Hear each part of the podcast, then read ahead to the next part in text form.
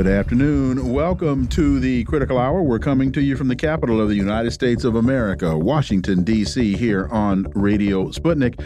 I'm your host, political scientist, author, and nationally syndicated columnist, Dr. Wilmer Leon. I'm joined here by my co host, political analyst, Garland Nixon. Thank you, Wilmer. For the next two hours, we will explore and analyze the salient news stories that are impacting the global village in which we live.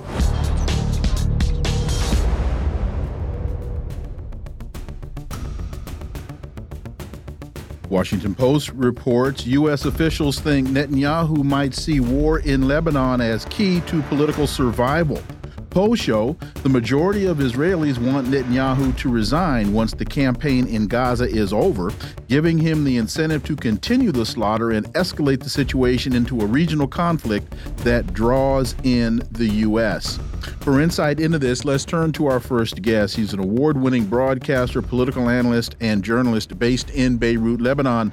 Laith Marouf, as always, Laith, welcome back. Thank you for having me. So, one of the one of the things that we know we've seen historically, Laith, as it relates to leaders in war, is when leaders start to feel threatened, they believe that the perception of an uh, existential or external threat will galvanize the citizenry. A sense of nationalism will uh, will be created. It, it's them versus us, and that no one really wants to change horses in the midst of conflict and threat. Um, do you see? And, and and one can one could also say that that applies to Joe Biden as well. Um, your your thoughts on this, Laith Marouf? That is true uh, most of the times. Unfortunately, right now, what we have in both Israel and the United States, let's imagine ourselves with different leadership. Uh, what are the choices that are put in front of them to reach their strategic goal? in the situation of the Zionist colony to guarantee its maintenance of its existence, and uh, in the situation of the United States to remain the hegemon, at least in the area of Western Asia in this situation. And so let's replace Biden with Trump. Do you think Trump, uh, you know, uh, because of his personality, will have a different uh, tactical maneuvers to reach that?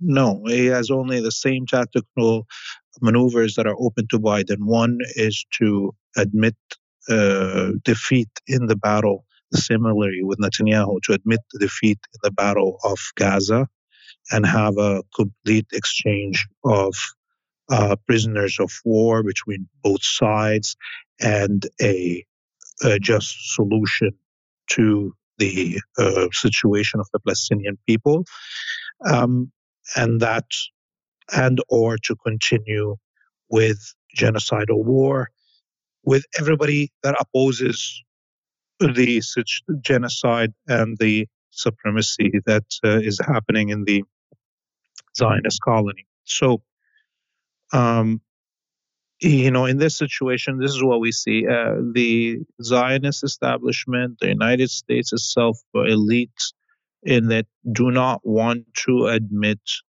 uh, equality to the Palestinian people, and they're choosing what we see as war. And it's not about Netanyahu, it's not about the internal politics of the United States, it's the issue of the uh, elite in both of these countries, all of them, no matter who is, was going to be in power, was going to choose supremacy and genocide and um, and refusing equality to the Palestinian people.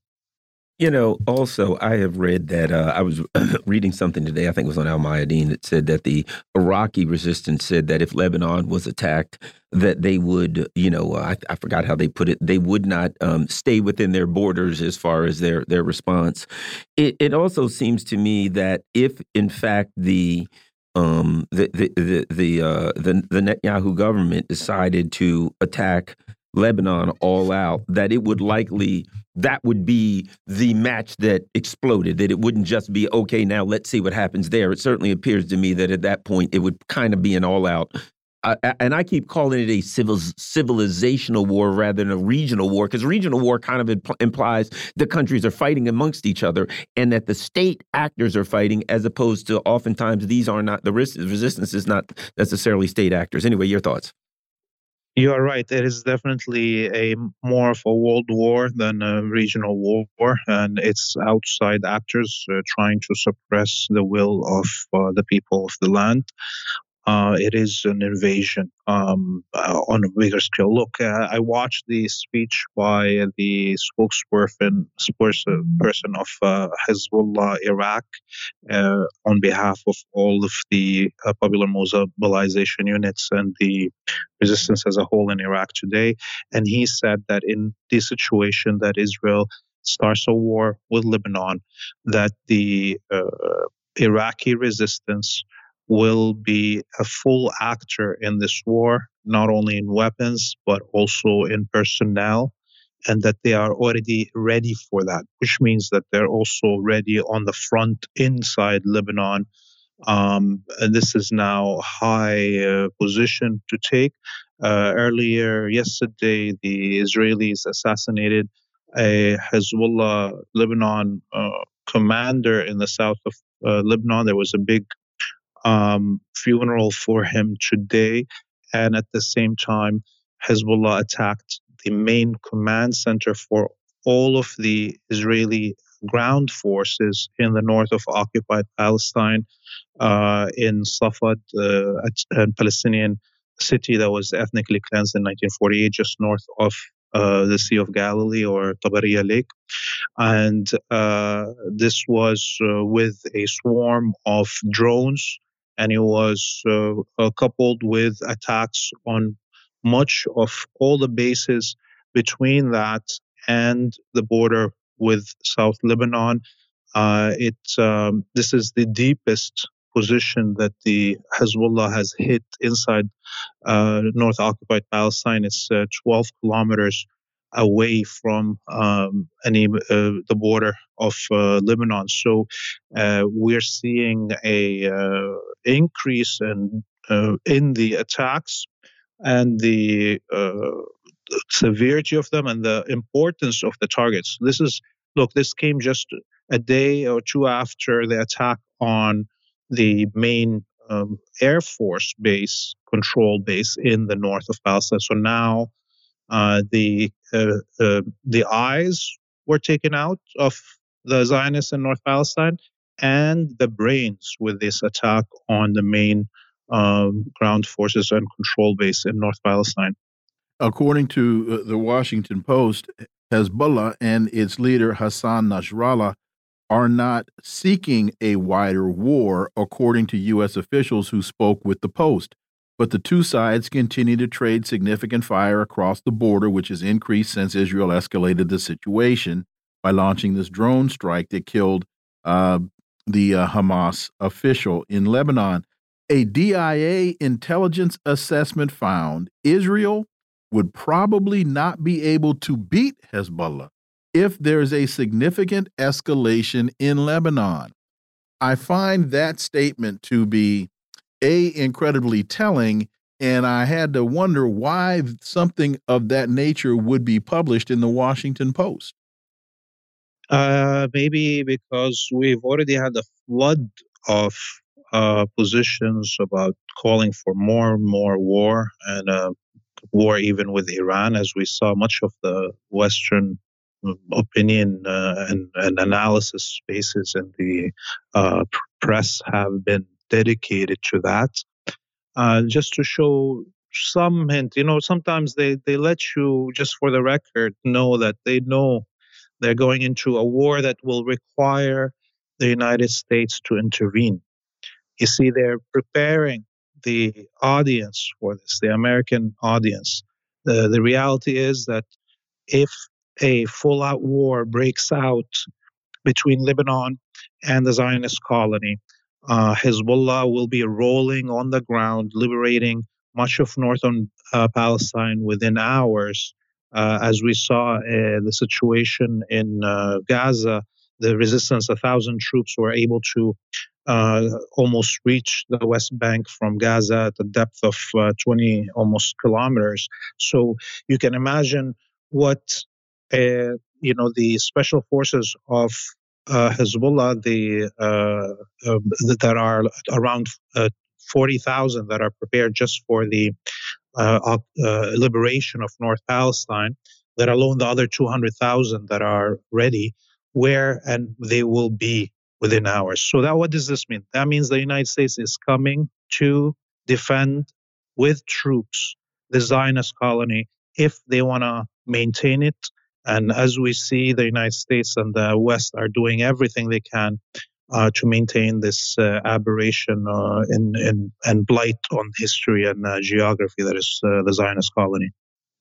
If Hezbollah were to do that, and Syria goes into the Golan, and we still have Ansar Allah sending sending their missiles in. Do you see uh, Iran?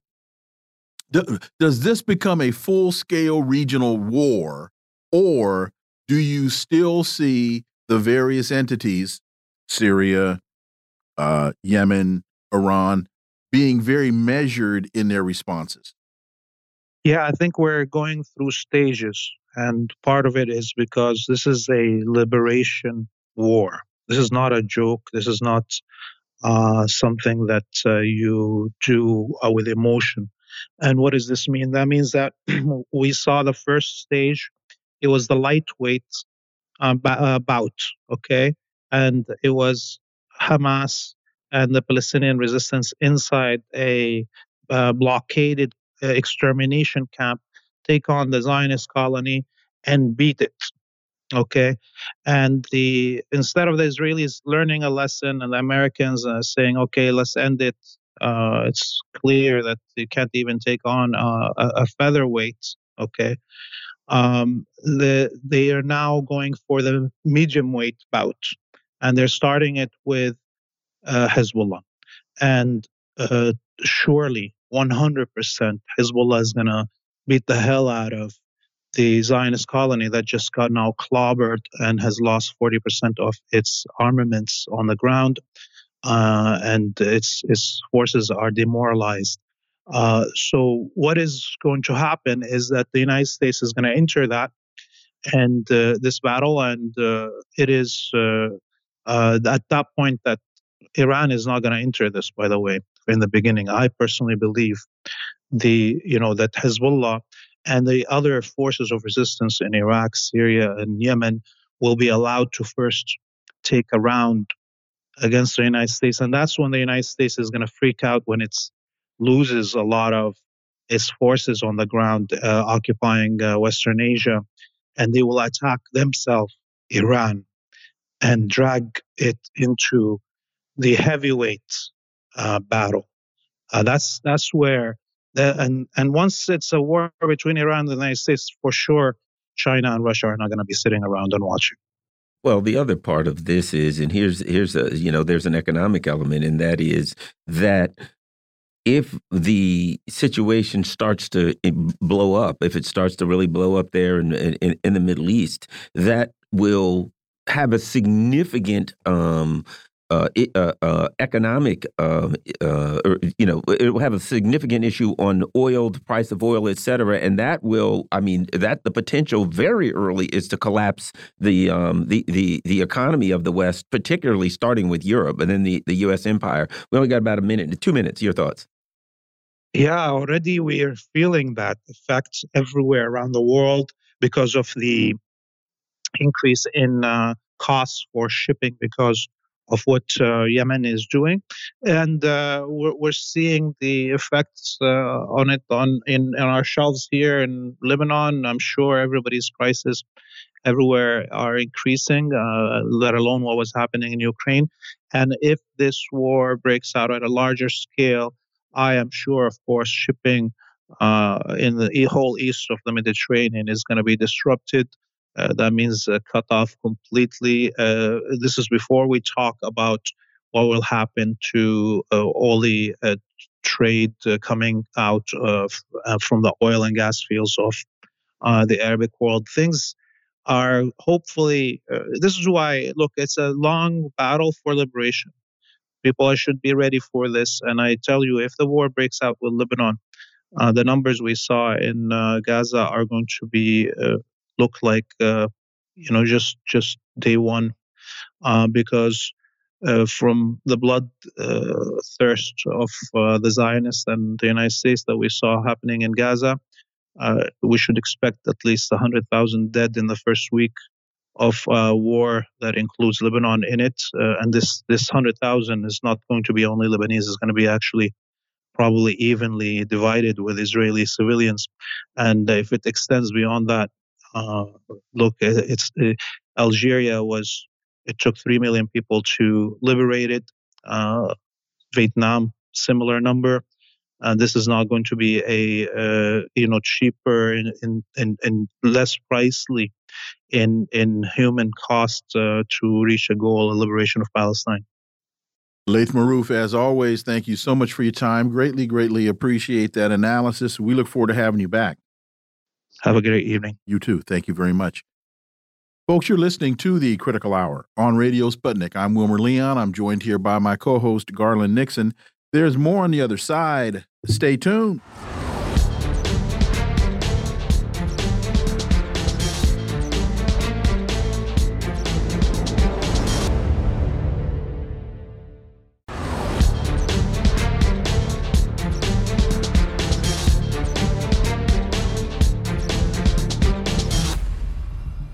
We are back, and you're listening to the Critical Hour on Radio Sputnik. I'm Wilmer Leon, joined here by my co host, Garland Nixon. Thank you, Wilmer.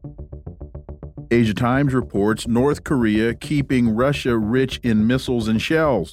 Russia is now using North Korean missiles to bombard Ukraine while reportedly also reaching to Iran to help fill weapons gap. For insight into this, let's turn to our next guest. He's a peace activist, a writer, and a teacher, a political analyst, KJ Noh. As always, KJ, welcome back. Thank you. Pleasure to be with you. So, the, the Asia Times story continues. This month, multiple media sources reported that Russia has used North Korean ballistic missiles to bombard Ukraine aiming to degrade the latter's critical infrastructure and moral and morale amidst what appears to be an increasing stalemate on the battlefront. Uh, KJ, this story seems to attempt to accomplish a couple of tasks.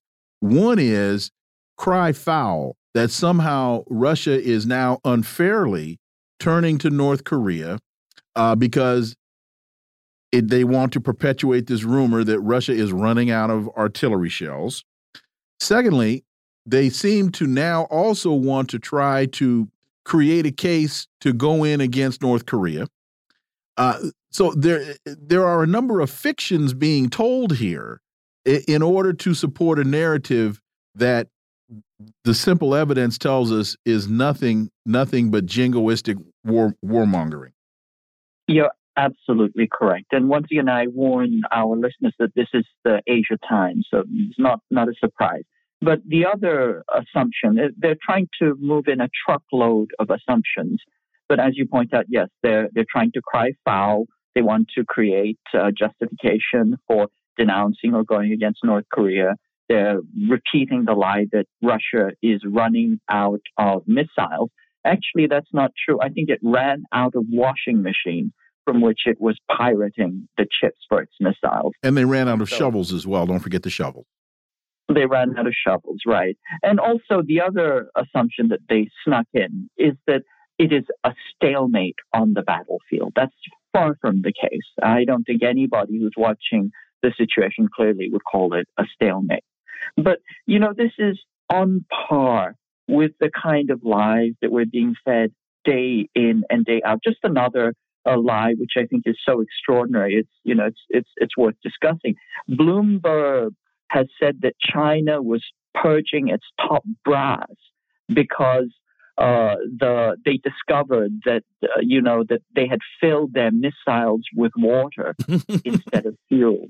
Right? Mm-hmm. Now, this is insane because if you know anything about liquid fueled missiles, you know that they are never filled until they're until just until they're just about to be used, which is about 30 to 60 minutes before they're fired. So if they were actually filled with something, anything, that would mean that China was preparing a nuclear strike on Russia, uh, on, on the United States. And that would be a much, much bigger story. And the people responsible would not simply be, you know, purged or removed from their posts, they would be executed. And so there's a, either there's a much, much bigger story that Bloomberg has missed, or this is complete fabrication. I would argue that it is the latter. And I think this is all of this is more of the same. They're also arguing that North Korea is has sent, you know, endless amounts of uh, shells, uh, and they and they point out that you know that North Korea has been sending containers. Once again, let's use some common sense. Containers are not designed to carry shells because shells are incredibly heavy, and so if you filled containers with shells, either they would uh, get smashed or you would be mostly transporting air. In other words, North Korea has been transporting large amounts of air to Russia. So all of these things are on par with the kind of absurdities that are now becoming standard for the MSM. But it's just it's just ongoing. It's tiresome having to bat down these things that don't even follow even the minimal dictates of common sense. Let me ask you this, KJ. Do you think this is also possible too? You know, the with the election coming up, they're looking at it, they're thinking to themselves, "Oh, it may go the wrong way," or even if the, uh, uh you know, our, our, people win the, um, the, the the presidency, you know, they may not have the, um, you know, the the um, the equivalent of the Congress, et cetera, that they could lose the ability to turn Taiwan into Ukraine 2.0. So they're just all they're already like, well, we're going to have to pivot to North Korea. That's where we'll have to raise heck in the in in, in Asia in the in the Asian uh, uh, uh region, yeah, theater, since uh, Taiwan may be falling apart. Your thoughts? Well, I think that's definitely possible. I certainly think that the U.S. is uh, ginning for a three front war. Two fronts is not enough. They want a three front war. They want that other front to be in Asia. North Korea is the easiest place where to trigger that. And I say this because you know, you know, they're talking all about all this shelling that North Korea did. In North Korea, you only shown the reaction shot, never the shot that preceded it. What the U.S. was doing, it was taking the Second Infantry Division uh, and they were taking also the Capital Mechanized Division, moving them past 20 other divisions that are between them and the DMZ and exercising these incredibly belligerent exercises. Why were they doing this? The Capital Mechanized Division is a division that is designed to do offensive strikes on uh, against North Korea. It's part of Op Plan 5015. So they were rehearsing decapitation of North Korea. Of course, North Korea is going to respond, but uh, but this kind of extraordinary belligerent uh, action is is designed to be a trigger, and so this uh, you know is is very very worrisome. And the other argument that I'll make is that North Korea and Taiwan Island always come come in pairs as places to wage war. They've always come as double developments as as kind of paired wars. And so I think it's not, you know, Taiwan or North Korea. I think would actually be both. Uh, speak to this story in the uh, South China Morning Post uh, regarding the um, the Taiwan election. Beijing gives details on Fujian Cross Strait Model Zone three days before the island votes on its on its new president. That there's a joint paper that has been released. Uh, what is what does all of this really signal, if anything? Well, I mean, what it signals, and it's a constant process because this has been in the works for quite a while, is that trying to show that look, it's in your economic interest to have good relations with us. The DPP, you know, essentially wants to Ukrainize itself. It wants to turn its people and its and, and the island into a new Ukraine. And China is showing, look, there's a better alternative. Look at all the, you know, possibilities here. And that has been the general Chinese strategy. You know, where the US is escalating the war, the Chinese simply outcircle them by showing that we don't bomb, we build. Uh, we can have good relations and everything can be win win. And it's their approach to kind of encircle the cities from the countryside with the benefits of economic development uh, all around. Additionally, uh, the uh, Taiwan elections coming up in a couple of days. Um, there's questions about the direction it's going to go. What are your thoughts on it? Uh, I think it's too close to tell. Uh, it's uh, you know the the the KMT is within striking distance of the DPP, which is the U.S. Quisling party. That's the party that the U.S. wants to win. But you know we'll know within four days. the problem is that anytime there's an election which is close, uh, usually the U.S. will win. That's simply how things fall out. Don't ask me why.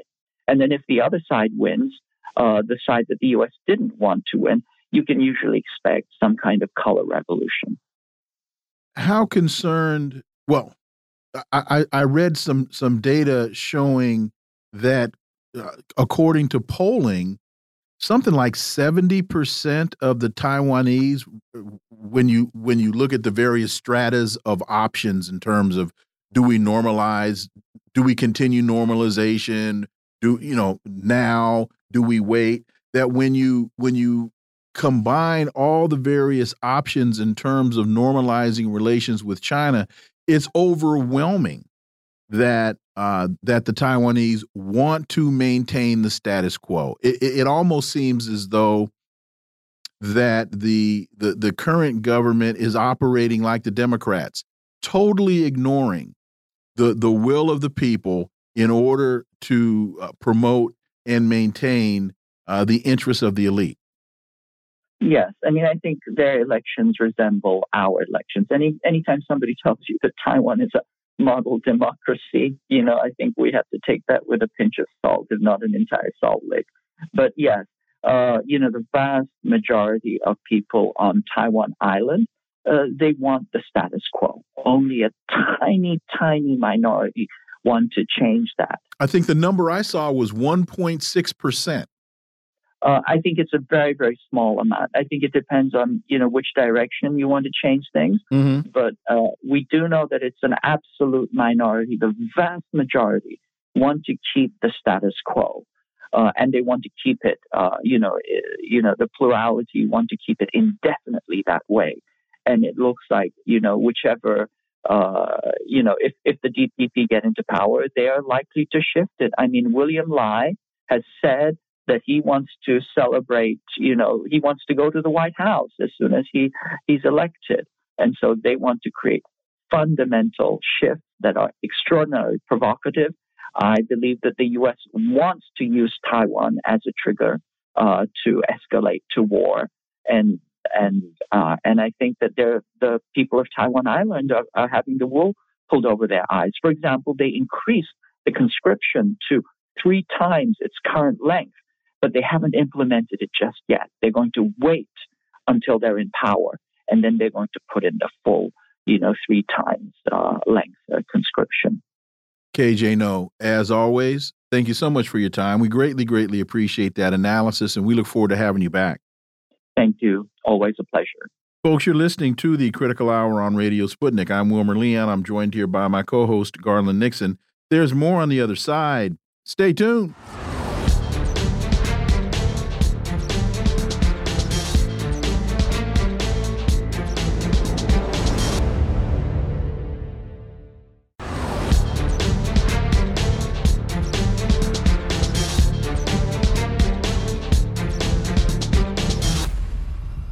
We are back, and you're listening to the Critical Hour on Radio Sputnik. I'm Wilmer Leon, joined here by my co host, Garland Nixon. Thank you, Wilmer. The Libertarian Institute reports F 16 transfer to Ukraine delayed another six months. The Western plan to transfer advanced American made fighter jets to Ukraine has hit another delay and is now expected to reach the battlefield during the second quarter of this year. Washington has said it does not expect the warplanes to alter the course of the war. However, Russia views the F 16s as a national security threat as the aircraft are capable of carrying nuclear weapons. What are we to make of all of this? Well, for insight, let's turn to our next guest. He's a Moscow based international relations and security analyst, Mark Sleboda. As always, Mark, welcome back. Dr. Leon Garland, thanks for having me. It's always an honor and a pleasure to be on the critical hour. So, what does this signal to you? I found it interesting that in the Libertarian uh, report it says Washington has said it does not expect the planes to alter the course of the war. Well, if you don't expect that, why are you sending them? And what one of the things that they talk about later on is whether or not the pilots are being trained. It sounds to me as though the training isn't going as fast as they'd like for it to go. So why send planes when you don't have people to fly them? Okay, so um, I don't know if the training it's a matter of the training not going as fast as they want. It's going as fast as they said it would take. They made clear from the beginning that even the handful of English speaking uh, Ukrainian pilots would need to undergo uh, at least half a year of advanced English just to learn uh, correctly the the terminology for the basic instruction course. Things such uh, as of, of this is an airplane. It is an F sixteen. Yeah, uh, but first, we got to teach yeah, you how I, to speak English so you can like read the dashboard. Well, um, it is a constant concern that uh, even for regular NATO training for basic infantry, that the language barrier has been a very significant problem for the training. And the uh, training required for operating an F 16, which is quite different uh, from all accounts uh, from, from the, the, the NATO countries that have switched and are switching uh, from uh, uh, Soviet aircraft types uh, to uh, U.S. supplied F-16s, like Romania, which has been trying to do it for a decade and still isn't there yet. Um, it's quite different. Uh, so it's not like teaching someone to dig a trench or to clear a room. It's uh, significantly more advanced than that. So presumably the you know the uh, correct ability to communicate effectively. And it's not just about the pilots, of course, because hundreds of people will be need to train on maintenance. The F-16 is in an extremely maintenance heavy aircraft, like a lot of American equipment. Um, uh, you know, you, you, you need a support network uh, to maintain it uh, if it is indeed going to be flown out of Ukraine. Um, and while there is the possibility that we could see some uh, mercenary pilots from Western countries that already know how to fly the plane uh, fly it, uh, even then, I, I think that would be in small numbers. So every indication is that the very earliest that any um, Ukrainian flown F 16 will take to uh, the skies uh, of Ukraine will be the end of 2024, although it is far more likely uh, in maybe maybe the first half of 2025. Um, what I found interesting is now the countries that are going to be donating these F-16s, not the U.S. Um, it's older F-16 models that are held by the Netherlands, um, Denmark, uh, and also a few from uh, Norway and Belgium. Uh, but the Netherlands, by far, is the one that is supposed to deliver the most of them. They've promised 42 in several different batches. And this is already the second time the delivery of them has been delayed. Um, and it's very interesting because the um, uh, what it, he's called the far right candidate, Geert Wilders, effectively won. He received the, the greatest number of uh, votes by far in the, the, most recent Dutch election, and, and his people are going about trying to form a government. Um, he has been very skeptical about providing uh, military assistance uh, to the Kiev regime in Ukraine.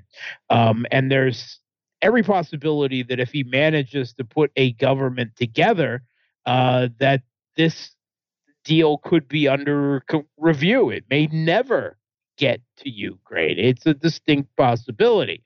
That said, it did take the last Dutch government uh, uh, some 390 days to form a government uh, because of their complex network of multi uh, party uh, coalitions and the like. Uh, it, it, it could be uh, an extremely lengthy process.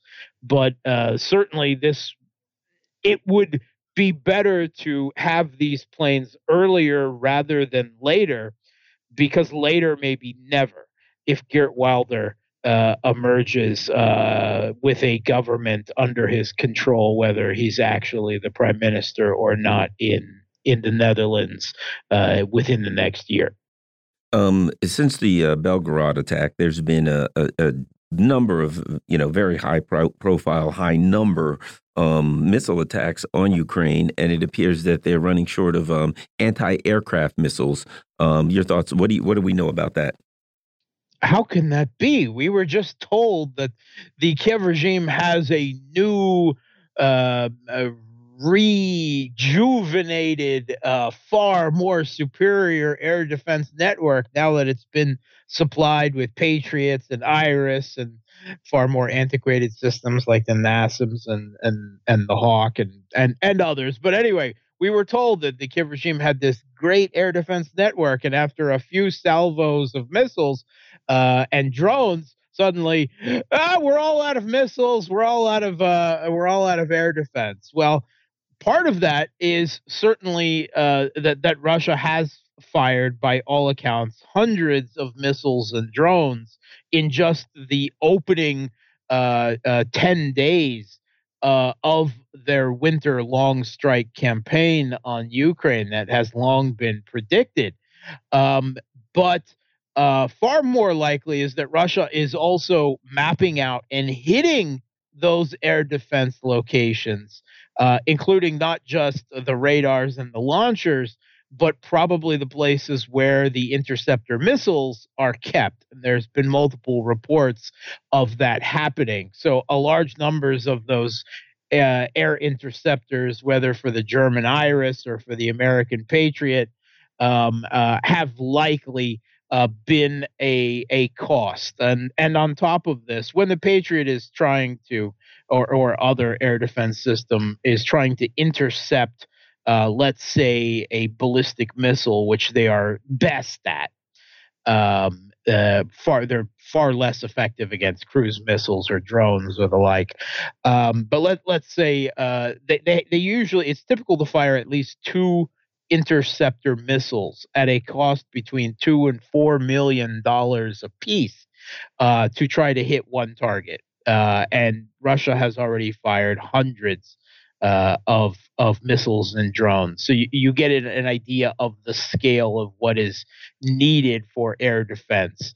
Uh, it, it it's simply uh, really not cost effective, and uh, we have every believe, reason to believe that the Patriot intercept rate from its previous track record by the Saudis in Yemen is basically not all that it's talked up to be, that it has a lot of problems and fails a lot. So add that to the intercept cost as as well. And it soon becomes clear that that uh, you know the idea that the U.S. Uh, and other NATO countries can supply anything like the S 300 based air def- inter uh, connected air defense network that the Kiev regime had at the start of this conflict and now has been destroyed or and or they are out of S-300, S-200 missiles for. Um, that trying to recreate that uh, is is a fool's errand. And we also know previously that the Patriot um, production rate is rather low, and the U.S. is already trying to rope Japan into providing Patriot interceptors as well because uh, it, it's tapped out. They can't keep up with the demand. At the same time, the New York Times is admitting that Russia has vastly increased their missile production and is not going to run out of missiles anytime soon. Russian troops have improved their tactical position near Georgievska and Bogdanovka in the Donetsk area, according to uh, the spokesman for the Russia's uh, battle group South. How significant is this uh, in terms of um, being able to maintain and, and hold on to area that that has been taken? Okay, so uh, Georgievka and Bogdanovka. Okay, so these are two small towns. These are uh, in the flanks of the Donbass area, right? The Kiev regime launched their great southern NATO planned counteroffensive, but they also launched an offensive to try to retake Bakhmut starting on the flanks. Uh, they did not uh, accomplish much. Um, uh, they they managed to take uh, two small towns that are are basically just ruins in the south, in Dreevka and Klashevka. In the northern flank, uh, which are are being contested again already now. In the northern uh, flank, they did not have as much success, and Russian forces uh, constantly through what a, a, process they call an active defense, where they are pro- constantly applying pressure uh, primarily uh, very heavy fires on the opponent. And when they sense in a weakness, they will then basically uh, move forward, try to take positions. Uh, it's not a proper offensive, but it is a slow, gradual push forward under pressure.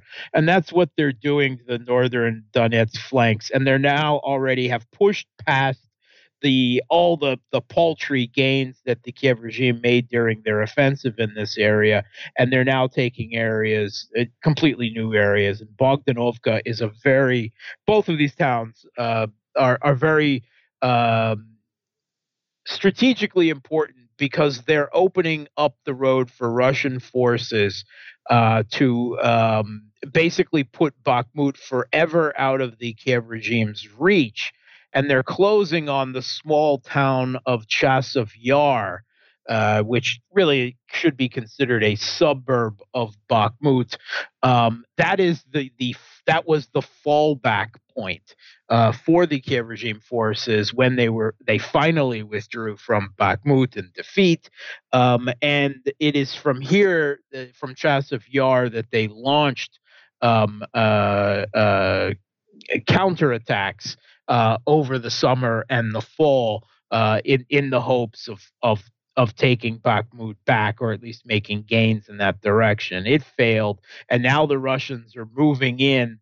If they take these two towns, they will then be able to move on Chasiv Yar, uh, and and that will forever extinguish any even faint delusional hopes that the Kiev regime uh, could retake Bakhmut.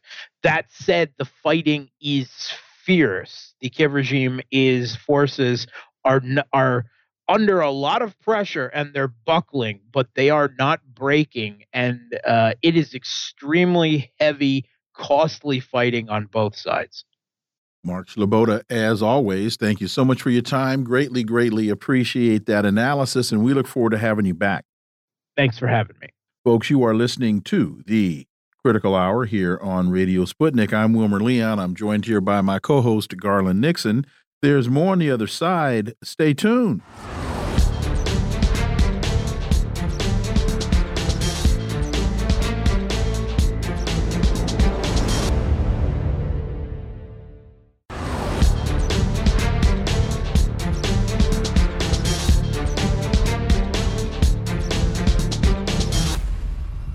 We are back, and you're listening to the Critical Hour on Radio Sputnik. I'm Wilmer Leon, joined here by my co host, Garland Nixon. Thank you, Wilmer. Antiwar.com has a piece entitled An American Appeals to Taiwan Don't Vote to Be Ukraine 2.0.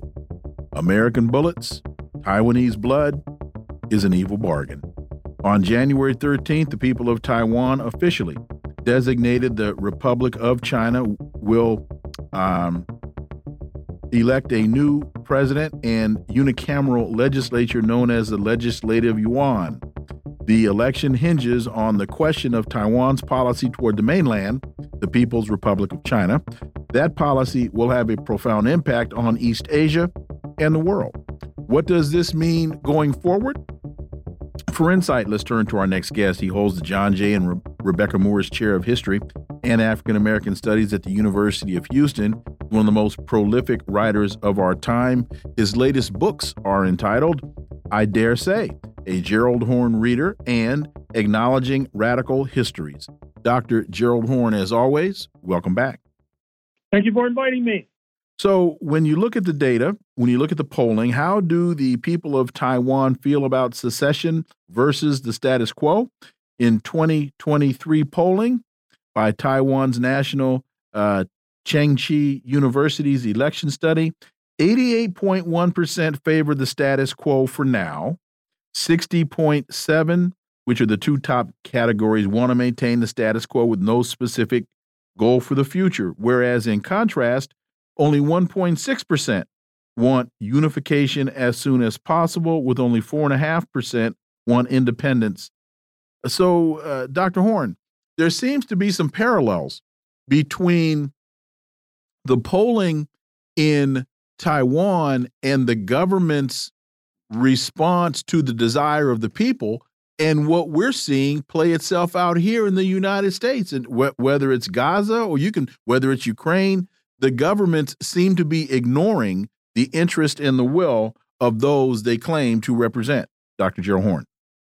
Well, I would direct you and your audience to the bipartisan so called congressional com committee on the House side of Capitol Hill that uh, allegedly, apparently, has as its mandate scoring and scorning the Communist Party of China. They've been having hearings all over the country. Most recently, they had a hearing on Wall Street where they're trying to disrupt the relationship between U.S. capital uh, and the People's Republic of China, which will not be an easy task, although certainly not impossible. We all know that Apple is heavily invested in China. Tesla would not be where it is today without production in China. Then there's Starbucks which is en route, if it's not there already, of having more coffee shops in China than in the United States of America. Uh, Microsoft, uh, KFC, the, the list is long. And yet, we see that the mandarins at the State Department are calling for, if not demanding, a decoupling. The new term actually is de risking. That is to say, building what they call a small garden with a high wall. That is their description of what relations between China and the United States should be like nowadays. The problem is that their so called allies are not necessarily on board. Speaking of the Federal Republic of Germany and France in the first instance, and we also should say that it's not clear, as your remarks suggested, if Taiwan is on board. This is the island off the southern coast of China, which China claims as its own, a population of only about 20 million compared to 1.3, 1.4 billion on the mainland. It was colonized by Japan beginning in the 1890s. And when the Communist Party came to power, October 1st, 1949, that pre existing relationship with Tokyo uh, held forth and therefore, the defeated nationalists of the so called KMT uh, moved in mass to Taiwan. Although, interestingly enough, the nationalists of KMT are now uh, more prone to work out some sort of agenda uh, with the People's Republic of China than their opponents are, who currently hold power. The problem we see obviously stems directly from the deal made by Henry Kissinger and Richard Nixon about 50 odd years ago, when, in an attempt to encircle the Communist Party of the then Soviet Union, they worked out a deal with the Communist Party of China, which led to massive foreign direct investment into China, which has now created this juggernaut that is now the number two economy on planet Earth. And I'm sure that you realize that if their wildest and most demonic dreams are realized, that is to say, the overthrow of the Communist Party of China, probably having something to do with that will be the U.S. current relationship with India. Because obviously, the United States is trying to build up India as sort of a, a counterpart to China. Apple already is moving some of its facilities from the Chinese mainland into India. Then, of course, uh, if India becomes the number two economy, then they'll have to figure out a way to overthrow the ruling party in New Delhi. And so the beat goes on. Obviously, this is a way to pump up the bottom line of the military industrial complex, which, by the way, has been doing quite well in light of this uh, adventure in Ukraine and in light of this current adventure in historic Palestine. Uh, their stocks are going through the roof. And we see that now there's an attempt to construct a so called Asian NATO. Uh, that is to say, it's not enough to have a North Atlantic Treaty Organization that's focused, focusing on Russia. Now they want uh, a, a, counterpoint, a counterpart uh, in Asia, which presumably would include the Republic of Korea, speaking of South Korea, which has uh, China as one of its major trading partners. I'm not sure how that's going to work out. Obviously, the Philippine Islands, formerly uh, colonized by the United States, is sadly enough on board, but I'm not sure if they have the wherewithal and the muscle to go toe to toe with uh, the People's Republic of China. And in any case, as you skim and scan the uh, environment, you see that other nations are not on board, particularly Singapore, which has a Chinese majority population, a, major, a population of ethnic Chinese in the majority, and has profited handsomely from its uh, bilateral relations with the People's Republic of China. It's not clear if Indonesia is on board as well. And certainly you can rule out Russia. That is a given. And so we see that the United States is setting itself up for a bruising. Uh, we see that this decoupling and de risking strategy is going to have a damaging impact on U.S. agriculture, particularly the soybean farmers of uh, Iowa in particular. And we also see that it will have a damaging impact on higher education because as of now, China sends across the Pacific a goodly number of undergraduate and graduate students. A number of scientific laboratories are basically dependent upon these Chinese students. Already, you see that these Chinese students are now uh, moving to matriculate in Australia, in Great Britain, and, and France. And then it's also fair to say is that it's going to have a devastating impact upon Asian Americans. The New York Times had an article about this the other day, talking about uh, how Asian Americans, and particularly Chinese Americans, are considered to be suspect because of their ethnic ancestry, even though they oftentimes have the foreign language skill that could allow them to be key U.S. operatives. I noticed that in the New York Times this morning uh, that uh, there was reference to the point that the United States would like to uh, infiltrate agents into the inner circle of President Xi Jinping. Uh, I'm not sure how that can be done uh, unless there's someone of Chinese ancestry, to be frank. And in any case, uh, China is not uh, lying recumbent as the United States is scheming. They have very close relationships with Cuba, 90 miles from South Florida, not to mention Bahamas, Jamaica, Venezuela, Nicaragua, and of course, his fellow BRICS member, speaking of Brazil. So the United States is obviously overstretched. It cannot uh, fruitfully uh, direct this Taiwanese election in a manner that it would choose to. But in any case, I think it's fair to say that they're saying, damn the torpedoes, full speed ahead. Also, the uh, Sputnik reports NATO weakness exposed as the U.S. led Red Sea coalition flops. We've got about two and a half minutes. Flop indeed. France and Italy are not on board. Uh, we also see that what we have to keep in mind is that Israel might be trying to create some sort of crisis whereby the United States will intervene to help to rescue uh, Israel's chestnuts from the fire. Uh, that's the import of their repeated attacks on Lebanon. But of course, the Hezbollah has struck back, hitting the major Israeli base at Mount Meron uh, which in some ways is one of the most significant bases on Israeli territory. We also see that the Iraqi resistance has hit Haifa, that major Israeli city. And if you look at your map, that's quite a distance. And so we have to conclude, I'm afraid to say, that uh, the United States might be inveigled, or in fact, uh, in, enthusiastically uh, enter this war because they would like to see the liquidation of Hezbollah, the overthrow of the Islamic Republic. You saw that when Mr. Biden spoke in South Carolina yesterday, he was interrupted by protesters signaling that mass uh, opposition to these bellicose policies is has not gone away, and in fact will probably accelerate in coming days, weeks, and months. Dr. Gerald Horne, thank you very much as always. We appreciate that analysis, and we look forward to having you back. Thank you.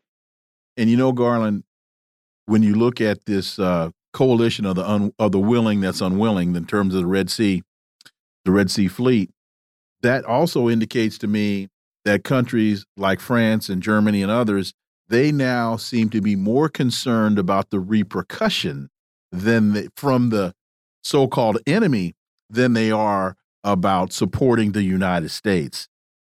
Folks, you're listening to the Critical Hour here on Radio Sputnik. I'm Wilmer Leon. I'm joined here by my co-host Garland Nixon.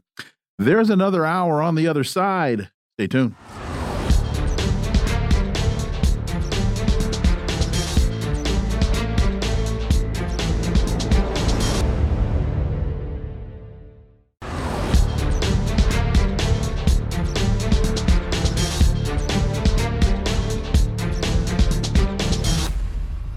We are back, and you are listening to the Critical Hour on Radio Sputnik. I'm Wilmer Leon, joined here by my co host, Garland Nixon. Thank you, Wilmer.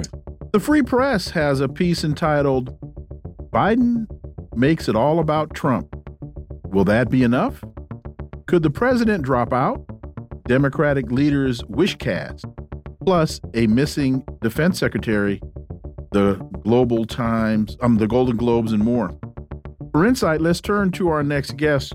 Uh, he's a scholar and activist and is an expert in uh, W.E.B. Du Bois, one of the most cited Du Bois scholars in the world. He's an organizer with the Philadelphia Free School. Dr. Anthony Monteiro. As always, Tony, welcome back. Thanks a lot, Will. And Garland, good to be with you all. So, for the first three years of his presidency, Biden tried to avoid saying the words Donald Trump. Uh, this last week, he mentioned the man 44 times in a speech at Valley Forge on the eve of the third anniversary of the January 6th riot. Biden made the case for his reelection by castigating his predecessor. Today, we're here to answer the most important of questions, according to Biden. Is democracy still America's sacred cause? It's the most urgent question of our time, and it's what the 2024 election is all about. He went on to say that Trump's campaign is about him, not America, not you. And when you listen to this, one can only wonder about the uh, the the the blatant obvious hypocrisy when he talks about democracy being threatened because if you look at the Democratic primary, Joe Biden's name is the only one allowed on the ballot. They won't allow debates, they won't allow any type of challenger. And so one can only wonder what democracy are you trying to save? Not to mention this whole idea of uh, of uh, Trump derangement syndrome, Dr. Anthony Monteiro. Yeah, man, and uh, Will, we've talked about this before. Whether Biden will drop out and whether the Democratic Party will replace him uh, and Kamala Harris and, and thus give the electorate uh, a fresh look. And, you know, I've thought about this uh, since we've discussed it. And frankly, Will, I think the crisis is much deeper than Biden. I think the question, as I think about it, is whether or not the Democratic Party itself can make it to November. And if it does make it to November, does it have a life after November, especially if Donald Trump wins, as most uh, informed commentators are predicting he will at this point? In other words, I'm saying that we're looking at a much deeper systemic crisis for a dysfunctional political system and whether or not the elite that have brought war and uh, inflation to the American people will survive intact after this.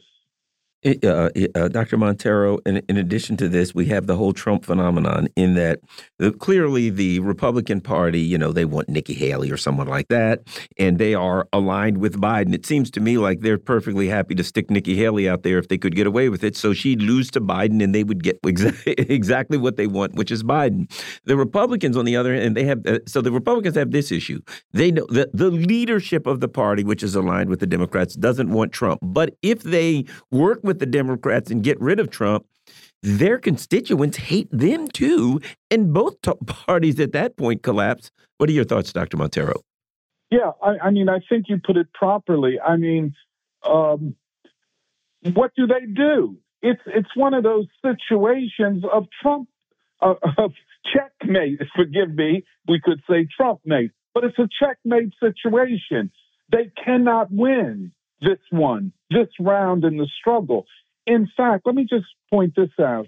You know, I um, I was reading the uh, website of the Eurasia Group, one of these think tanks that talks about uh, the great threats and and so on coming in 2024. And they say of the top three, it's not China, it's not uh, Ukraine or Russia, the greatest threat to American security, and these are their words, is America against America. What are they saying? They are saying that we are looking at something close to civil war in the United States. This rebellion against the ruling elite is unprecedented in American history and perhaps unprecedented in any advanced capitalist country in the last 80 years. This will not go away. Um, and so the question is what is the next stage? And I would suggest from our standpoint, I consider ourselves, or you and I, and, uh, and, and others, to be the legitimate left, those who are seeking answers rather than just to say what is and how bad it is. And I think that we're looking at the potentiality of, out of the ruins of this dysfunctional political system, a new democracy, I don't think the people will be satisfied with only winning the election, and I think they will. And I and the, and the vessel for that is is uh, Trump. It makes no difference what the official Democratic and Republican parties do after this election. The whole party system, the election system will uh, will look different, and I think the people will be demanding in one or another way a new democracy, uh, a new form of people's power. Uh, they're going to be demanding that all of this corporate and dark money be taken out of elections, but they're also going to be demanding an end to war. Uh, these are the best of times and the worst of times. The irony here, or one of them, is that so much of this conflict or so much of this problem that the elite are facing domestically, they've brought upon themselves, and they've brought they've brought it upon themselves internationally. When we look at the the, the developed relationship between China and Russia, the United States brought that on with its sanctions regime. When we look at the developing relationship between China and Iran, the United States brought that on because, and we can go to Venezuela. We can go. There are we there are so many places that we can go where we can see that the boogeyman that the United States claims that it has to fight, it has created itself, and that then manifests itself in domestic politics, Joe Biden gave some very populist promises in 2020, most of which he was unable to deliver on. We know that he didn't plan to deliver on them in the first place, but the excuse given, we don't have the money. Why don't we have the money? Because we got to fight these boogeymen. Why do we have to fight these boogeymen? Oh, because we created them in the first place. Mm -hmm, mm -hmm. Well, you know, uh, I agree with you, but with the um, caveat that what we are now experiencing is the re result of a 30 year process. Uh, the collapse of the Soviet Union uh, was viewed as an opportunity to establish a single U.S. empire and to enforce upon the world a Pax Americana, a American peace. Uh, that's why they kept talking about a rules based mm-hmm. order. Mm-hmm. Whose rules? What kind of order? Uh, and they overreached. That's that's what we're talking about when we talk about the neocons. They and, and some people talk about them as as a form of neo Trotskyism, permanent war for uh, for permanent uh, rule. In other words, war would be necessary and inevitable to establish the Pax Americana. And in doing so, they created enemies everywhere. And at some point, the enemies decided that the American ruling elite could not be negotiated with. There was no compromise. The only uh, option from the standpoint of the United States and the neocons was submission. Russia submit uh, to nuclear weapons, NATO weapons on its borders, which would mean American weapons and missiles uh, on the borders of Russia. It meant that China, this powerful economy, would have to submit to the United States. And of course, Iran, and of course, uh, the Palestinians, and, and just on and on and on. Well, at some point, the people that the U.S. had defined as axes of evil decided to unite in what ironically has become an axis of resistance. And now the ascendant forces in international politics are these quote unquote enemies who are now allies with one another and are saying to the U.S. and, and the neocons that no, this is not a world that you will make. This is a world that we will make. Just one other thing. And I, you know, it's just extraordinary. When the crisis comes home to the United States, and that's what we're experiencing.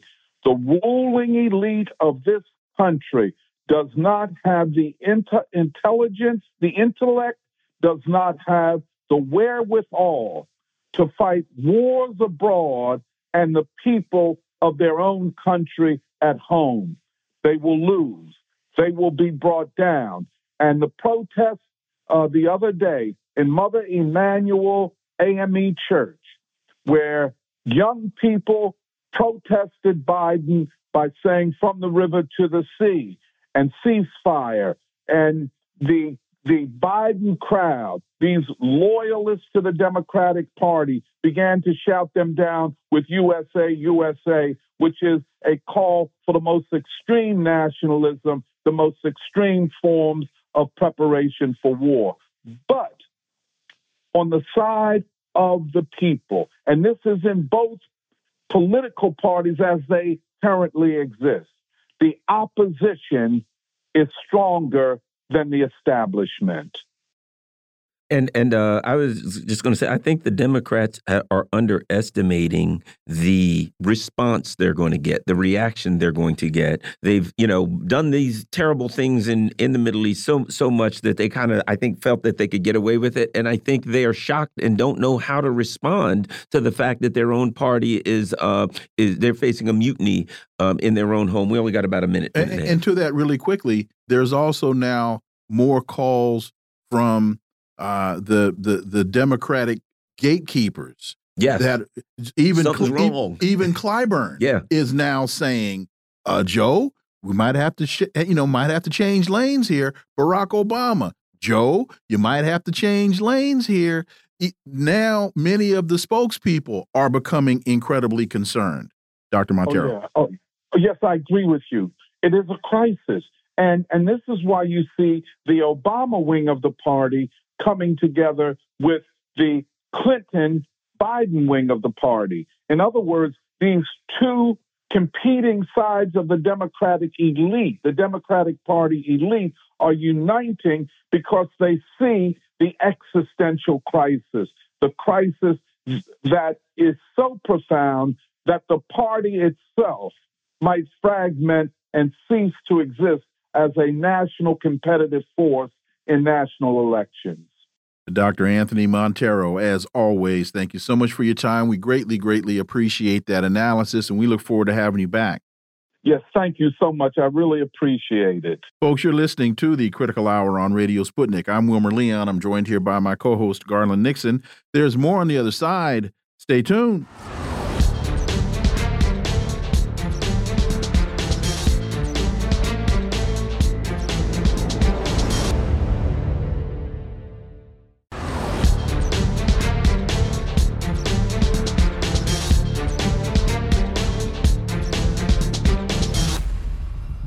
We are back, and you're listening to the Critical Hour on Radio Sputnik. I'm Wilmer Leon, joined here by my co host, Garland Nixon. Thank you, Wilmer. RT reports French government shakeup expected after shock resignation. Elizabeth Borne has quit as prime minister, clearing the way for President Emmanuel Macron to pick new cabinet members.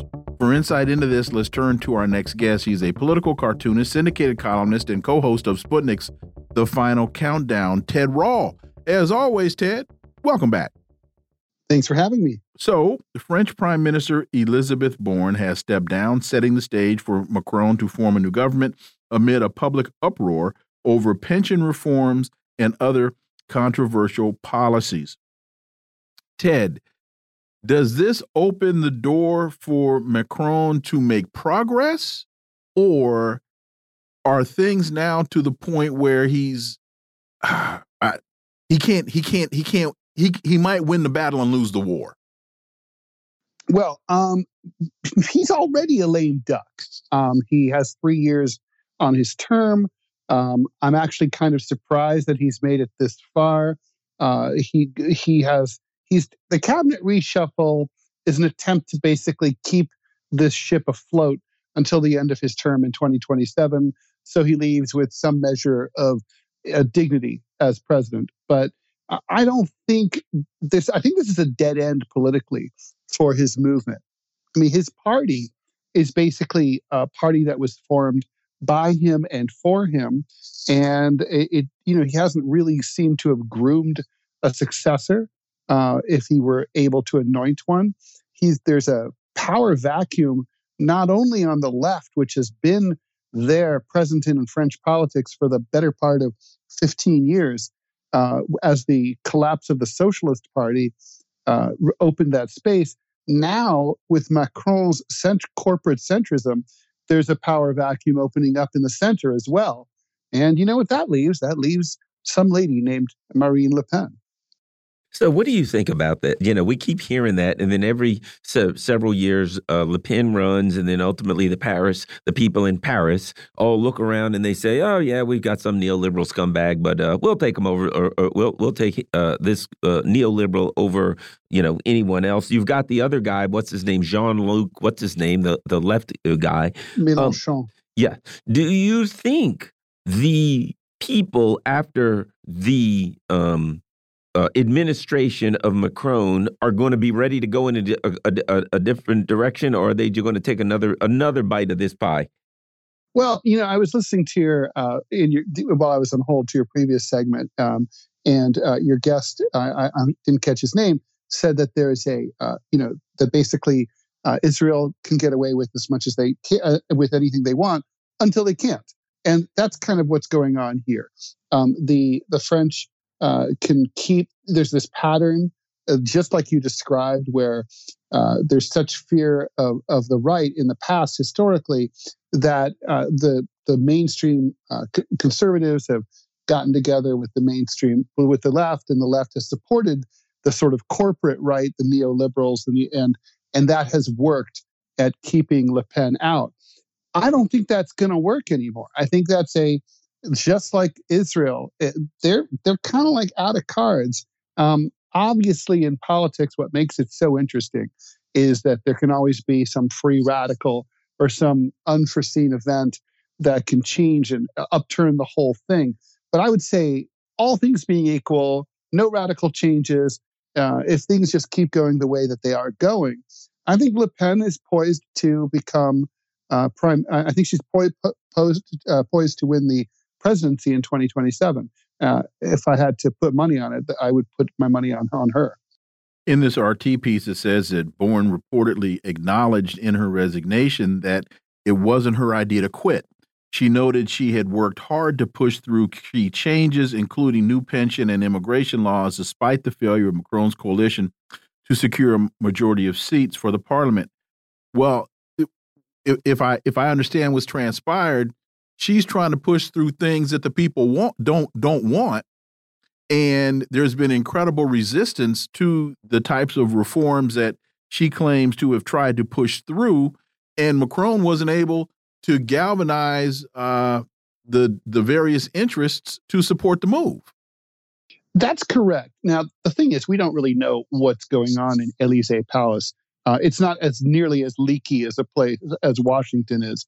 Uh, but I think what we're being asked to believe, whether it's true or not, is that Macron is a bit of a reed who blows with the, you know, basically who, whichever top advisor or prime minister happens to have drifted through his office last gets gets their way until someone else comes through.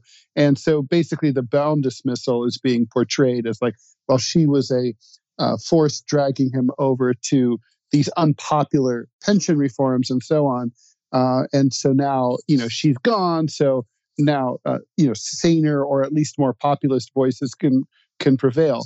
I'm not sure I believe that. I think, you know, my, my personal take is that Macron was always a creature of you know of, of the center right, uh, just barely to the right of center, but still center right. I mean, and, and you know to put this into perspective, in here in the U.S., he would be basically Bernie Sanders, but you know that's it's a different scale over there. I mean, a guy was a banker and a, he he worked for Roth, Rothschild Bank, so I don't imagine he's going to be exact. You know, he, he's going to be uh, Vladimir Lenin by any any stretch of the imagination. Uh, Germany, they got a few problems going on over there. They've got uh, sounds like France, one or two. Yeah, they've got uh, some people uh, wandering around the streets in tractors, blocking things. They've got other people all in other businesses now saying we'd like to join them. Seventy percent of the people want uh, the uh, what do they call him, sausage liver Scholz to uh, to step down. But what do they got behind him? Uh, Pistorius? I mean, out of the frying pan into the fire. They got problems in Germany. That's what I'm trying to get to. Your thoughts, Ted Rall? Yeah, well, you know, I mean, this is the technocrat model, right? That goes back to uh, sort of the post-war era, sort of post-war Europe. You know, I mean, post-World War II, kind of set, settled on this model starting in the 70s and 80s, kind of epitomized by figures like François Mitterrand and uh, and and uh, and Jacques and uh, Pompidou. And so you just have, but that model, I think, I never I never really understood how it made any sense for Europe. Um, the people the, the the technocracy always seemed so out of touch with the voters. So I'm surprised it took us so long to get here. But you know they they held the lid on for 50 years. I got to say they did a pretty good job. But I think it's over. And I think uh, with the Germans, there's so much pressure now because of spiraling energy costs, because of you know the the Russian sanctions uh, because of the war with the war with Ukraine and all this. Uh, they just have a you know it, it, the Germans are used to a higher quality of life and and things being run a, very tight ship being run and, and and they're just very displeased. I think you're we're not we haven't seen an end to the angst or the protests there. This is just the beginning, I think. Uh, Wilmer, I think they can blame those five Ukrainians in the sailboat that blew yes. up the Nord Stream. Those five guys. I think it was six Ukrainians. Oh yeah, yeah yes, exactly. Yeah, yeah. They blew the whole country to right, right the crap. EJ Magnier says that the economic difficulties throughout Europe are leading to the election of right wing leaders. And Garland and I have been on the show for over a year. And we've even talked to you about when do the people go to the street and express their dissatisfaction. And that seems to be happening. But the question is, if the if these economic difficulties are leading to the election of right wing leaders, are the people looking in the wrong direction for their solutions? Well, as far as I'm concerned, I mean, I'm a I'm a man of the left, so I think so. Yeah, hundred percent. And I think they're looking at solutions that are only going to make their current problems worse. I mean, the you know the, the right is just going to embolden business and hurt and hurt workers and take away uh, pen, you know pensions and other benefits from workers and retired workers uh, and slash the safety net that is incredibly important and valuable, a source of national pride throughout Europe. So, um, yeah, no, I, I think they're they're. I think this is about exasperation. I mean, in many ways, Europe has become increasingly Americanized, and I don't just mean culturally, like you know France getting you know eliminating the three-hour lunch and and you know eating at McDonald's, which has happened, but all but also the the political culture has increasingly resembles a two-party system. So even if you have, like in France, you have dozens of parties, but the problem is that like so many of them are have such tiny shares of the vote uh, that they either have to form blocks, which effectively become single parties, or they're just like a, non, a null factor. And Germany and France are, are countries like that, where effectively there's really de facto kind of two blocks that run against each other. So the only thing you can really do, as Americans are very familiar, you know, if you're annoyed by the way things are, well, you you're going to vote against the incumbents. So you end up flailing back and forth. They're trying to send a message, but it's hard. You can't really send a message in a two-party system other than an upraised middle finger. You you want to if you want to uh, you know a healthy political dynamic would have a variety of parties, all of them healthy and viable, uh, and people could sort of select between uh, various proposed solutions to current issues. Uh, the U.S. hasn't had that forever. And, and Europe, to the extent that it did have that in the post-war era, is less is is getting that less and less. And I think that's why you know you currently you're just seeing that. I mean, look, mark my words, they can put in a bunch of right wingers. You know, next thing you know, they'll be out there with their hammer and sickle flags protesting them. Well, it's not going to get any. It's not going to look any better anytime soon. That is for sure. Ted Rall, as always, thank you so much for your time. Greatly, greatly appreciate that analysis, and we look forward to having you back. Thank you. Folks, you're listening to the Critical Hour on Radio Sputnik. I'm Wilmer Leon. I'm joined here by my co host, Garland Nixon. There's more on the other side. Stay tuned.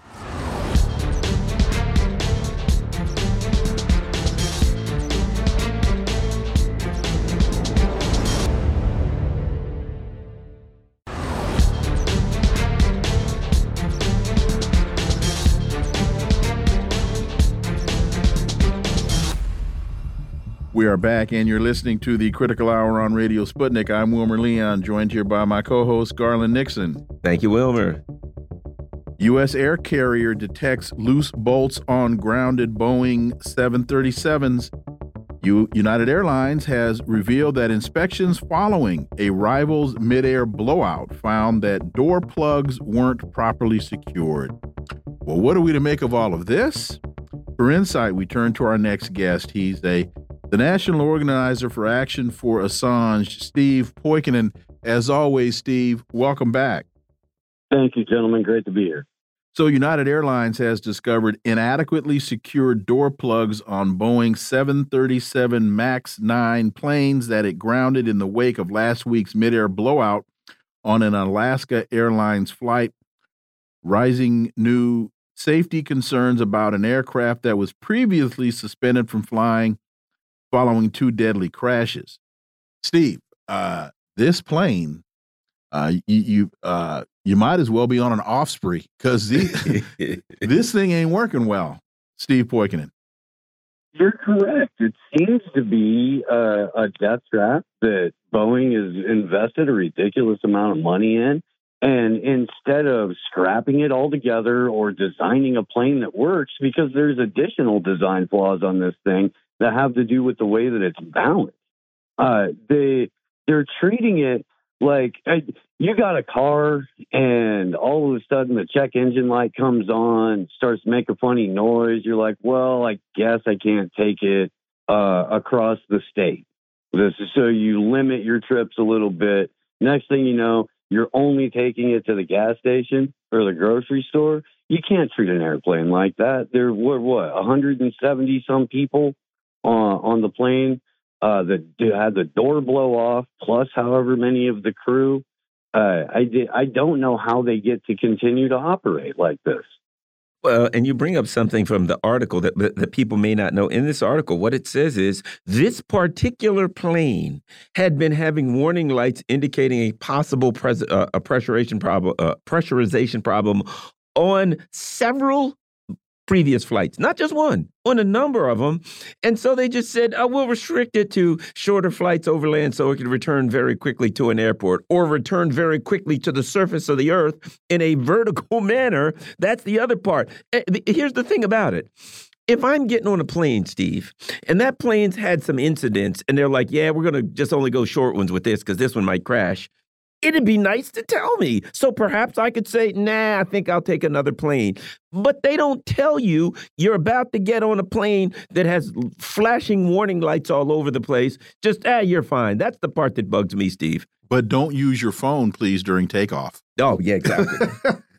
Unless you're calling a priest.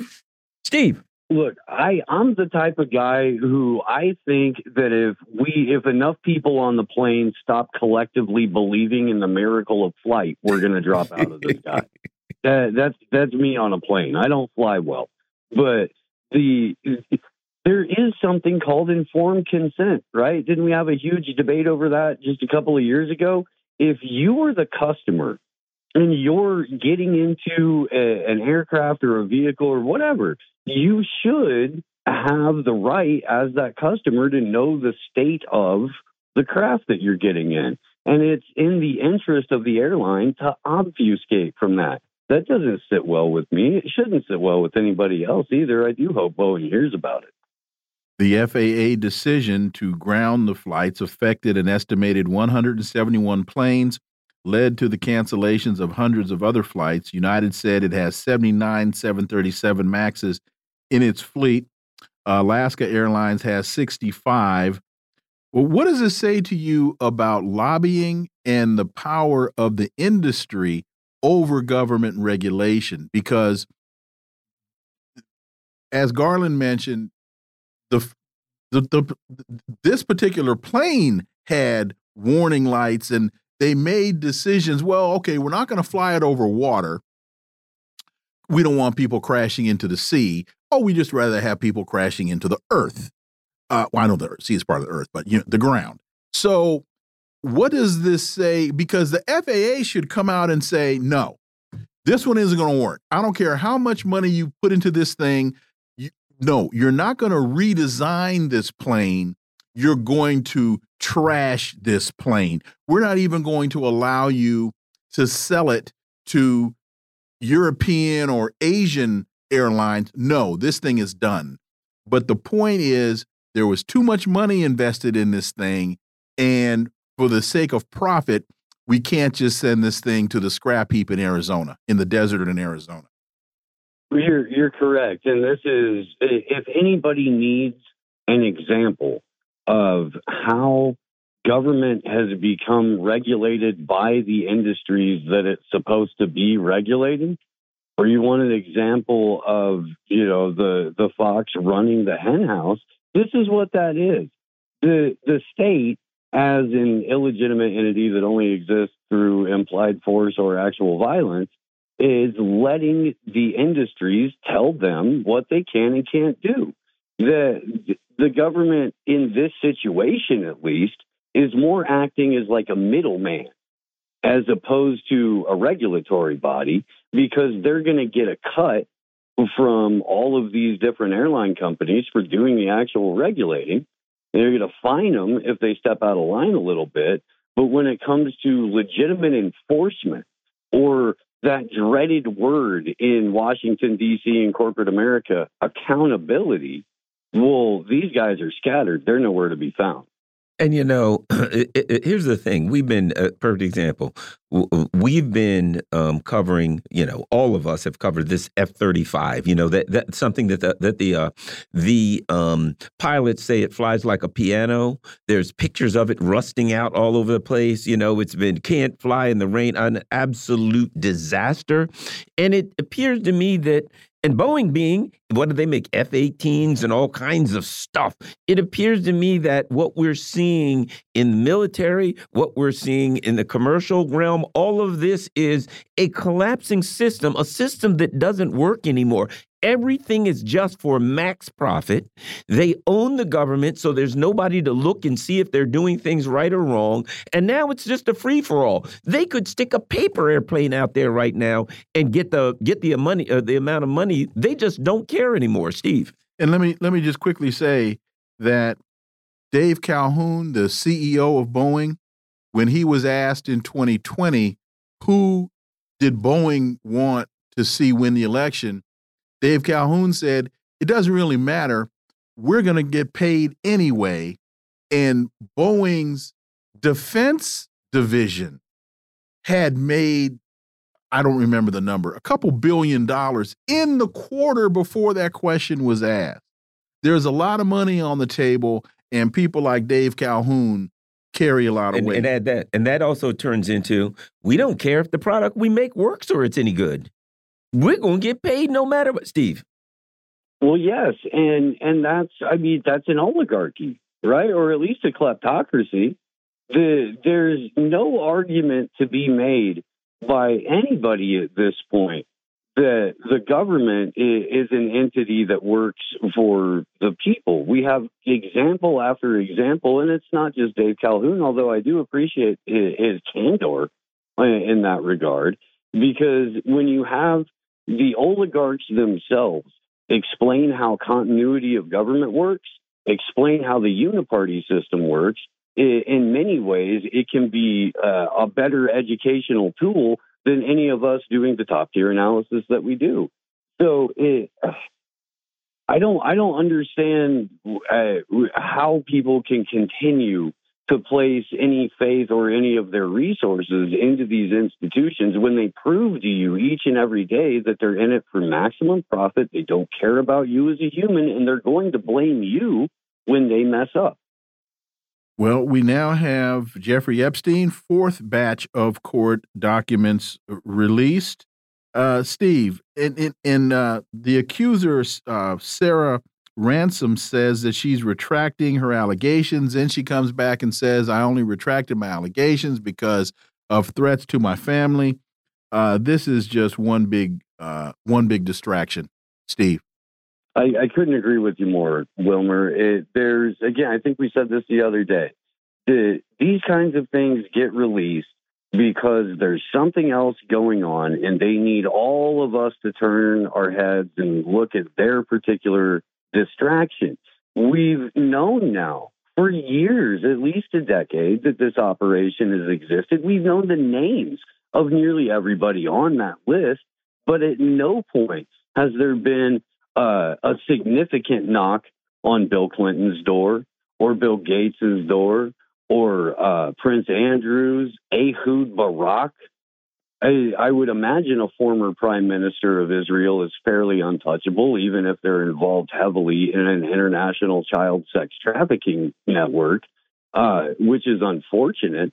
But it almost at this point seems like we're we're getting our faces rubbed in it. Look, we'll show you again. We'll show you the depths of our depravity, and we'll let you know that there's nothing that you can do about it. By the way, vote for one of our guys. He was on that list too. Well, and the other thing is this: the uh, for instance, Politico magazine has an article, "Pizzagate, QAnon, and the Epstein list: Why the far right is obsessed with sex trafficking." Right, and that that came out. That tells me that you know their Epstein list. Uh, that bottom line is they understand. Hey, man, we got to try to discredit any talk of what's going on with the Epstein list for this reason. The reality always comes back to this: this was not about sex trafficking with young girls. It wasn't about who was there. It was about that this was a government operation. And if the discussion is that the U.S. intelligence agencies were involved in this, which they were, then the issue of accountability of who knew, who did all of those things, and our media won't touch it. Everybody knows you can't touch that, or you'll be in jail and the cameras will stop working and the guards will go to sleep. Steve. Correct, Garland. And let's add to that also the uh, transhumanist and eugenicist connection that nobody seems to be talking about in regard to this. We all know for years now that Jeffrey Epstein was uh, very, very, very adamant about trying to find ways to unnaturally extend life, and that he was working very closely with people like Steven Pinker, other people at MIT, another scientist at Harvard, where a lot of money was getting tossed around. So much money, in fact, that Noam Chomsky was able to pick up at least 50 grand of it. Don't know why. Don't know what he did. Don't know why he had a relationship with Epstein, but Noam got some of that money too.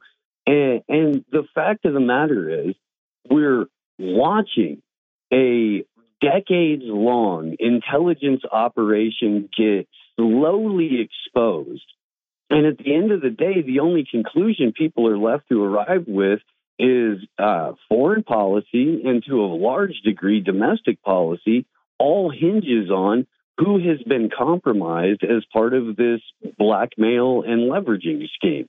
Now that's no way for a society to operate, gentlemen. I'm, I, I, I, you know, find that to be highly unpalatable. There's a sentence here that is interesting to me, or maybe it's two sentences. And this is from uh, the BBC.com, again, talking about uh, Ms. Ransome in an interview with ITV's Good Morning Britain. She said after the documents were released that she said she only walked back her claims because of threats to her family. Quote, there are videos that exist and the people know they exist. I'm sure they're very frightened of them being released. Mm. Mm the plot thickens. Steve Poikonen. What about a, a, six? Let's do. Hey, maybe sixty minutes needs to get a hold of these uh, of these videos and put together an expose on uh, Mr. Epstein and Ms. Maxwell and some of his buddies on the Lolita Express. Steve.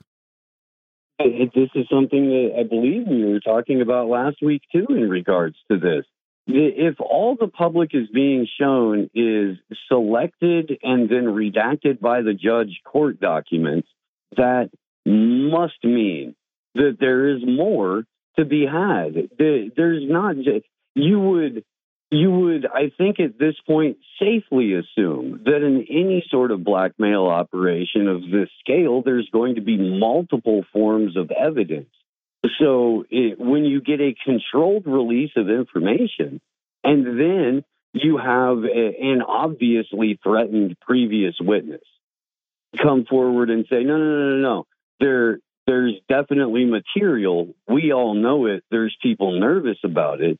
I would hope that at least some bright spark in the, the press would start asking for it or demanding it. And yeah, sure, if it's 60 minutes or if it's anybody else, there should at least be a concentrated effort on the part of the media to get to the bottom of this. Uh, this is my favorite article. Um, uh, my my favorite sentence from the entire BBC article. Epstein pleaded guilty to soliciting prostitutes from a minor in 2008 and took his own life in 2019. there we go. There we go. He took his own life. Th that and Russiagate yeah. will live forever. Epstein hung himself. Steve Poikonen, as always, thank you so much for your time. Greatly, greatly appreciate that analysis, and we look forward to having you back. Thank you very much, gentlemen. Folks, you are listening to the Critical Hour on Radio Sputnik. I'm Wilmer Leon. I'm joined here by my co host, Garland Nixon. There's more on the other side. Stay tuned.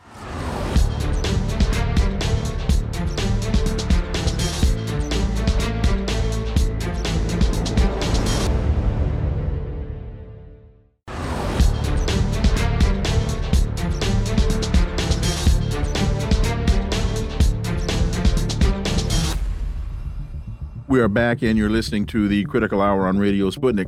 I'm Wilmer Leon, joined here by my co host, Garland Nixon. Thank you, Wilmer. Consortium News has a piece entitled A Political Class with the Same Geopolitical Aims. The two party U.S. system is political theater designed to promote powerful interests who stand above and behind the parties.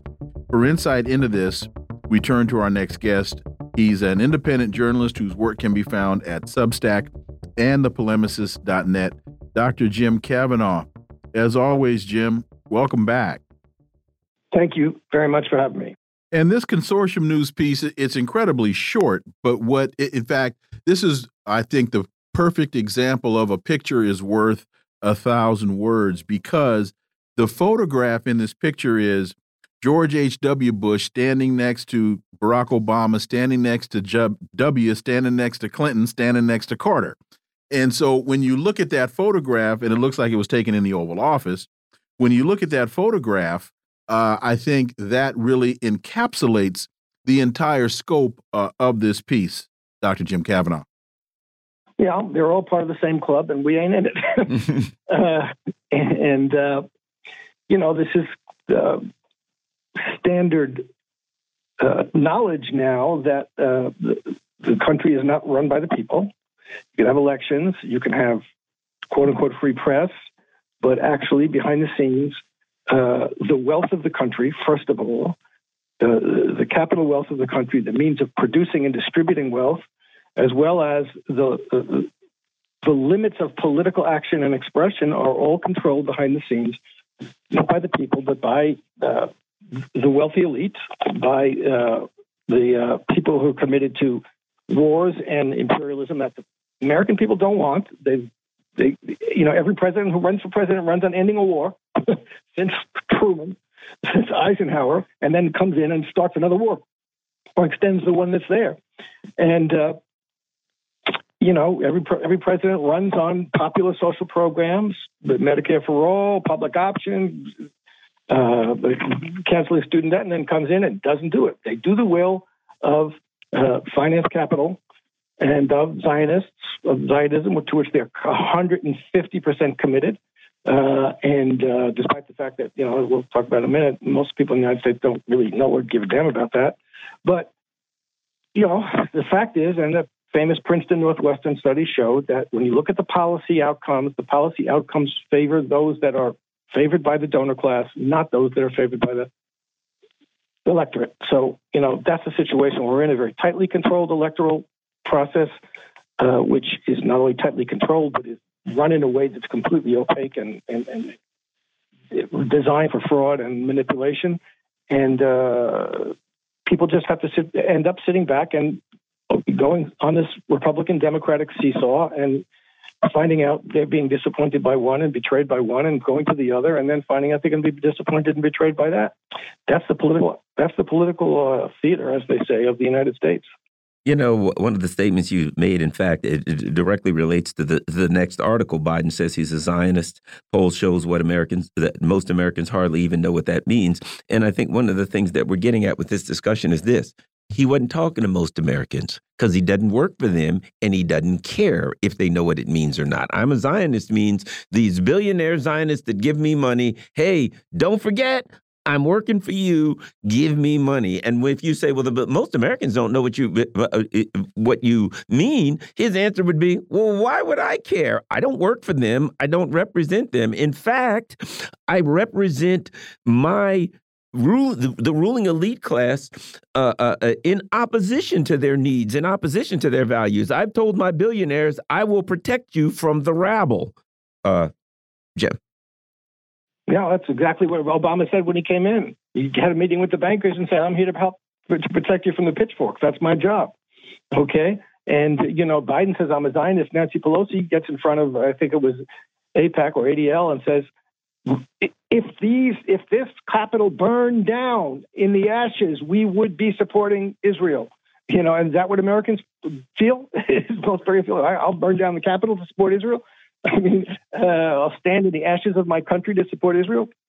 So, and similarly, you know, they're, they're, they will, the, each party will, the, the Democrats have been fabulous at this. They will lose elections because they don't want to do what the people want them to do, what their own people want them to do. Rather than upset the system and challenge the uh, the financial power and the military power, imperialism and capitalism and Zionism, they will lose an election, and they'll you know, and, and they've done this time and time again. They're showing that you know what they're interested in is maintaining the system and not challenging any, you know, not putting forward and achieving any of the real policy goals that most people want, which is healthcare, peace in the world, getting along with other countries, not having forever wars, and not having forever poverty and bank- and medical bankruptcy.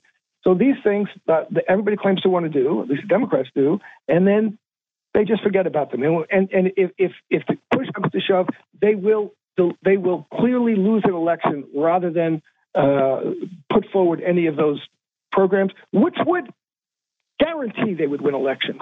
Any party in the country that actually fought for and achieved health care for all and actually fought for and achieved the end forever wars and peace in the world and reciprocally uh, reinforcing relationships with other countries in the world would win every election, and they know it. And they, are not with their, but they also control the electoral process, so they know that. Well, they'd rather lose an election to somebody who's uh, who they claim to be the enemy of. This Common Dreams piece, they say the mantra often found among U.S. politicians that Israel must be democratic and Jewish reflects the ethnic supremacism implicit in Zionist thinking. Such demographic developments are not theoretical, but are apparent in the contemporary world. Uh, saying that Israel must be democratic and Jewish is like saying the U.S. must be democratic and white or democratic and Christian.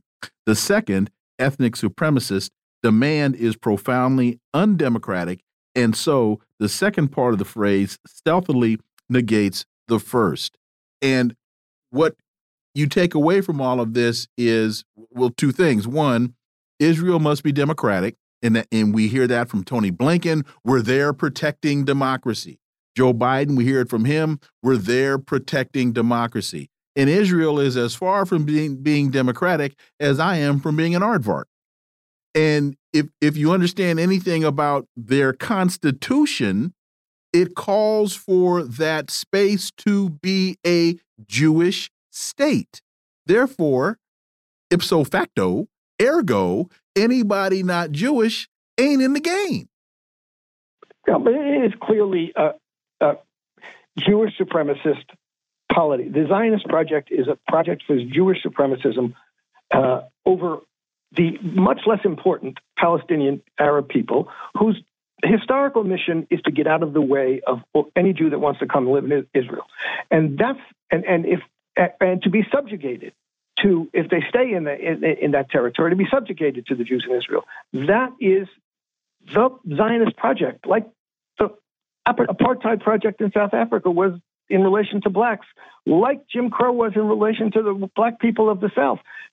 The white South was a democratic for white people. Apartheid South that was democratic for white people. You know, Israel is democratic for Jews in Israel. But you know, this is this is uh, the, question of equality and rights and things that we have come to understand as fundamental values that you cannot any longer do. We used to do these things. We used to do uh, extermination of of, of the indigenous people in the United States. We used to have slavery, used to have Jim Crow, used to have apartheid. The world has come to a position in which those things are no longer acceptable. It's amazing to me that Zionists think that they got you when they say, "Oh, but you killed all the Indians," and you know, look what you look what you did to Germany and, and bombing Dresden. It's like that was okay. As if reading history, the point of reading history is to find an excuse to do what was bad that we now know and everybody knows is, was bad and is bad, rather than to say, never again will we do that to anybody. I mean, this is really kind of disgraceful and unbelievable that it's happening, but it is happening. And, you know, Zionism grew up, as the Common Dreams thing says, you know, with a part, the ideology of Zionism, the program of Zionism, the late 19th, early 20th century ethno nationalism. It was a current throughout the world, part of which was the German and Italian fascist current. And the early Zionists were allied with Zev Jabotinsky was an admirer of, of, of Mussolini's. And because ethno nationalism was, was assumed at that point, everybody that might be an interesting and a good idea. Now we we know that's not a good idea now, but kind of Israel snuck in at the end of World War II and was able to kind of say, "Oh, we deserve to kill and expel 700,000 Palestinian Arabs because they're just not as important as we are, and our colonialism as European Jews coming to uh, this land is, you know, more valuable than their lives and their their their land and their property and their dreams and their hopes." And that's the Western world accepted that, and they still are. And that's what's going on, and it's quite clear, and there's no denying it.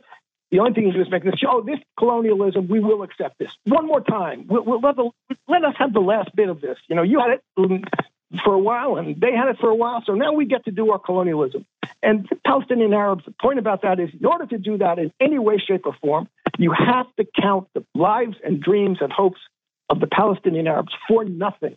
They don't have any importance in relation to the need and demand of the Zionist project to create a, a, a land in which there's Jewish sovereignty by law now, uh, and the land which the Israeli human rights, uh, as, as well as Human Rights Watch and Amnesty International, the Israeli Human Rights Organization calls it a, a regime of Jewish supremacy from the river to the sea. That's what we have, and it's either going to persist or it's going to be destroyed and this fight we're in now is is over that.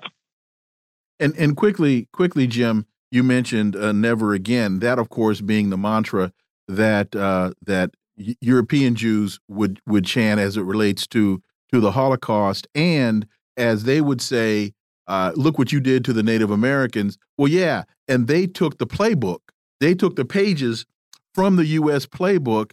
Uh, apartheid was based on the American system, and we know that one of the greatest supporters of South Africa was the Zionist colony of Israel. This? The Nazis too. The Nazis. They patterned themselves it, after Jim Crow. Exactly. We've got 30 seconds. Yes, uh, Israel and South Africa uh, colluded in building atomic weapons, which Israel has and will use. That's the problem we have now because they're going to defend that regime of Jewish supremacy with atomic weapons.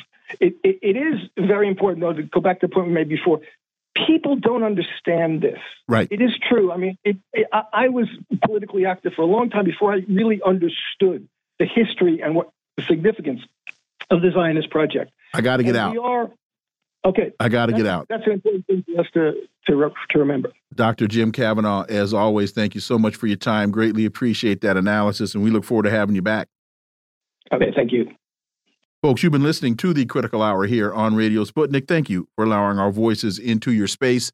On behalf of myself and my co host, Garland Nixon, we hope you were informed and enlightened. And we look forward to talking with you all right here tomorrow on Radio Sputnik. Be safe.